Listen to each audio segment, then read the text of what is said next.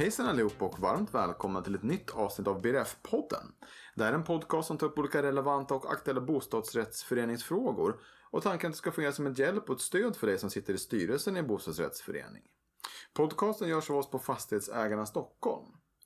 Dagens ämne är egenkontroller och eh, det arbete som man som bostadsrättsförening är ålagd att göra enligt lagen runt det.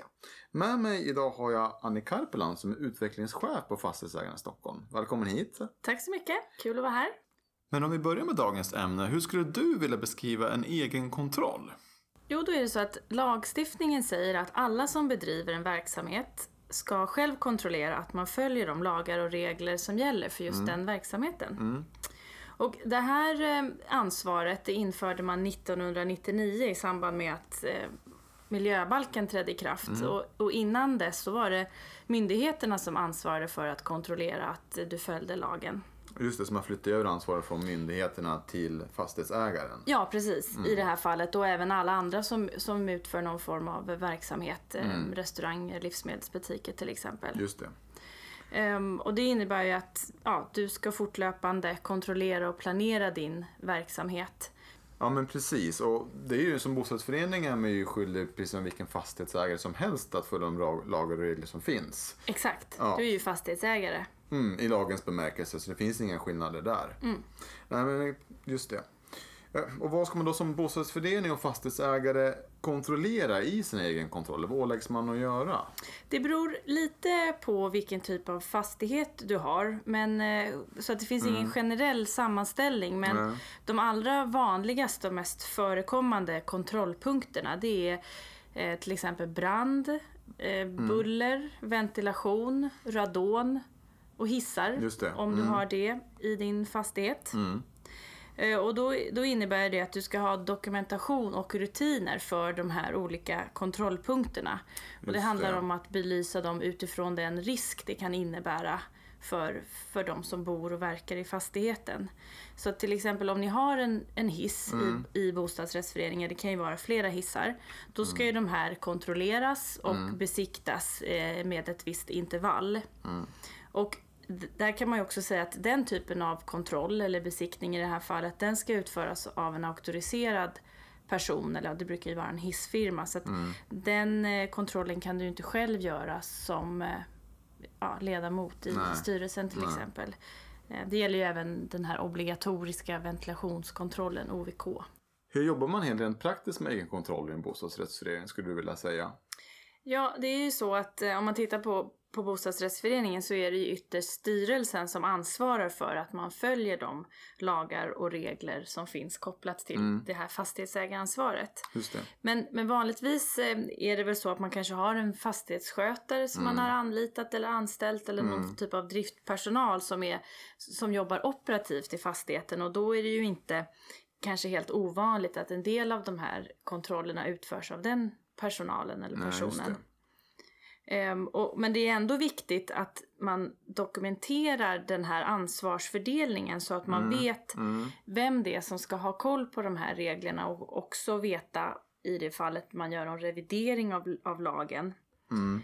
Um, och till exempel det här med felanmälan, vem, hur hanterar man det? Har man en mm. rutin för felanmälan? Mm. Och sen också hur man följer upp de här eventuella, mm. det kan ju vara klagomål också. Just det, så man har rutiner både vem som är huvudansvarig och vem som utför de enskilda kontrollerna. Ja, det är mycket det som, som lagen säger. Det är mm. det som är egenkontrollen. Mm, just det. Och vilka riktlinjer finns det runt egenkontrollen och arbete med det från, från myndighetshåll? Ja, det finns egentligen inga tydliga riktlinjer utan det är återigen det här att man ska ha en, en bra dokumentation kring hur man eh, jobbar med egenkontrollen. Mm. Ehm, och, och, en del kan ju göra det om man sitter, tittar på det praktiska arbetet. Det kan man göra med papper och penna och ha en pärm. Men mm. det finns ju även digitala system som är, som är väldigt bra. Som också kan fungera som en påminnelse om att nu är det dags eh, för den här kontrollen mm. som ska genomföras med viss intervall. De hjälper att skapa den här strukturen som du De, pratade om innan. Ja, exakt. Det är jättebra mm. hjälpmedel mm. för dig som styrelse. Eh, sen är det ju också bra om man, om man tittar på själva grunden i arbetet är ju att ha en bra beskrivning av Mm. den fastighet som man äger och har ansvar för. Och även koppla det till en riskinventering eftersom det är det egenkontrollen handlar om, att minimera risker. Så att man vet till exempel vilka typer av installationer man har i fastigheten. Eh, kopplat till, det kan vara ventilation och värme. Mm. Eh, och just se vilka risker som finns om, om det är så att man vet att man hanterar kemikalier och annat Mm. farligt avfall. Just det. Och eh, om man då har eh, gjort den här inventeringen så underlättar ju det för dig, ja, för er som styrelse, Mm. att ni vet vad ni har men även Mm. i kontakten med entreprenörer och myndigheter. Och, eh, och det är ju lättare, ju, lätt, ju mer man vet desto lättare är det helt enkelt skulle jag vilja säga. Och det kan ju även ge en bättre framförhållning. Det kan man ju koppla till underhållsplaneringen. Man vet vad man, vad man har för ventilationssystem så kan man också lättare få in det i, i underhållsplanen när det är dags Ja, för, för en, en uppgradering till exempel. Egenkontrollerna går lite hand i hand med underhållsplansarbetet menar du? Ja, exakt. Mm. Jag tror att om man ser det som, som två delar som... Mm, två eh, ben. två ben, precis. Mm. I fastighetsägandet så, är det, så ger det mycket hjälp på Mm, vägen. Mm. Ja, men vad bra. Och egenkontrollerna görs ju för att, så att förklara att vi är måna om våra fastigheter och vill förvalta dem väl. Men det finns Mm. också ett myndighetskrav i grunden och ett lagkrav i grunden. Hur, hur fungerar kontrollen från, från myndighetssidan på att vi faktiskt gör våra egenkontroller? Ja, det är kommunen som är den operativa tillsynsmyndigheten Ja. och deras uppgift är att granska och bedöma hur du, i det här fallet som fastighetsägare, följer Mm. det här kravet på egenkontroller. Och de, deras uppgift är även att ge råd och, och stöd för dig som, som styrelse i det här fallet. Just det. Ehm, och, och de gör ju sin granskning, eh, vanligtvis är det i form av så kallad tillsyn som Mm. innebär att, att de kommer och besöker dig som fastighetsägare. Ehm, och då har de en, en miljöinspektör eh, som kommer till Mm. er och gärna vill träffa er i styrelsen. Mm. Mm. För att prata om hur ni, vilka, hur, vilka rutiner ni har och, Mm. och hur ni jobbar med egenkontrollen. När de här kontrollanterna kommer så vanligtvis så kanske de har några synpunkter på, på det arbete man gör. Har du någon erfarenhet av vilka de vanligaste anmärkningar man kan få som bostadsrättsförening på egenkontrollen kan vara? Ja, ja, de vanligaste anmärkningarna som man har som kontrollant det är Mm. just bristen på rutiner och dokumentation. Att man Just inte det. har en, en, en dokumenterad beskrivning av, av verksamheten och Just vem det. som ska göra vad, till exempel hanteringen på klagomål. Just det, för hela tanken med egenkontroll är att man ska ha rutiner för att jobba med det själv. Exakt, det, Mm. det är precis det hela Så det blir en det kontroll av, av rutinerna på något Mm. sätt när de kommer i första hand. Om jag förstår det rätt. Precis. Mm. Exakt. Eh, sen är det också vad jag förstått vanligt att man får eh, en anmärkning på låga varmvattentemperaturer. Mhm. För det är kopplat Mm. till risken för bakteriell påväxt. Mm.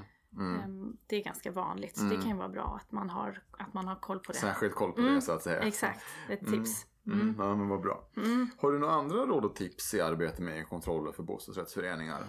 Ja, om man ser att den här, e- om man ser egenkontrollen som en naturlig del i arbetet, att Mm. ha med det. Eh, det kanske kan vara, jag vet inte, det kanske kan vara stående punkt på styrelsemöten eller att man Ja. har det med i den här, i den dagliga löpande förvaltningen av, av fastigheten. Mm. För det skapar ju också just den här framförhållningen. Mm. Att, eh, att ha en bra planerad Mm. eh, förvaltning. Ehm, och sen också det här att i och med att egenkontrollen just ska utföras av dig själv som fastighetsägare. Mm. Att, att du vet vad du själv kan göra men vad du faktiskt inte själv får göra. Utan att veta Nej. vilka kontrollpunkter där en auktoriserad person måste. Mm. eh, komma. Mm. Bra råd. Mm. Och, och, och just de här tillsynspersonerna på kommunen. Mm. Se dem som rådgivare även. Eh, De är inte ute efter att sätta dit dig som fastighetsägare och bostadsrättsförening utan de vill eh, hjälpa till och, och har ju bra koll på, på lagar och regler så Mm, att vänd dig till mm. dem om, om du har frågor. Mm. Just det.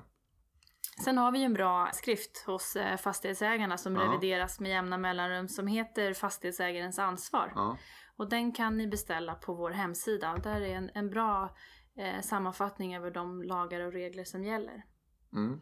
Och Stockholms stad har också tagit fram en, en väldigt bra skrift som Mm. heter just Egenkontroll för fastighetsägare som jag råder er att eh, titta på. Mm. Ja, vad bra. Ja men bra, då tror jag vi blir lite klokare inom det här området. Eh, tack för att du tog dig tid att komma hit Annie. Tack själv. Tack. Ja, tack, tack.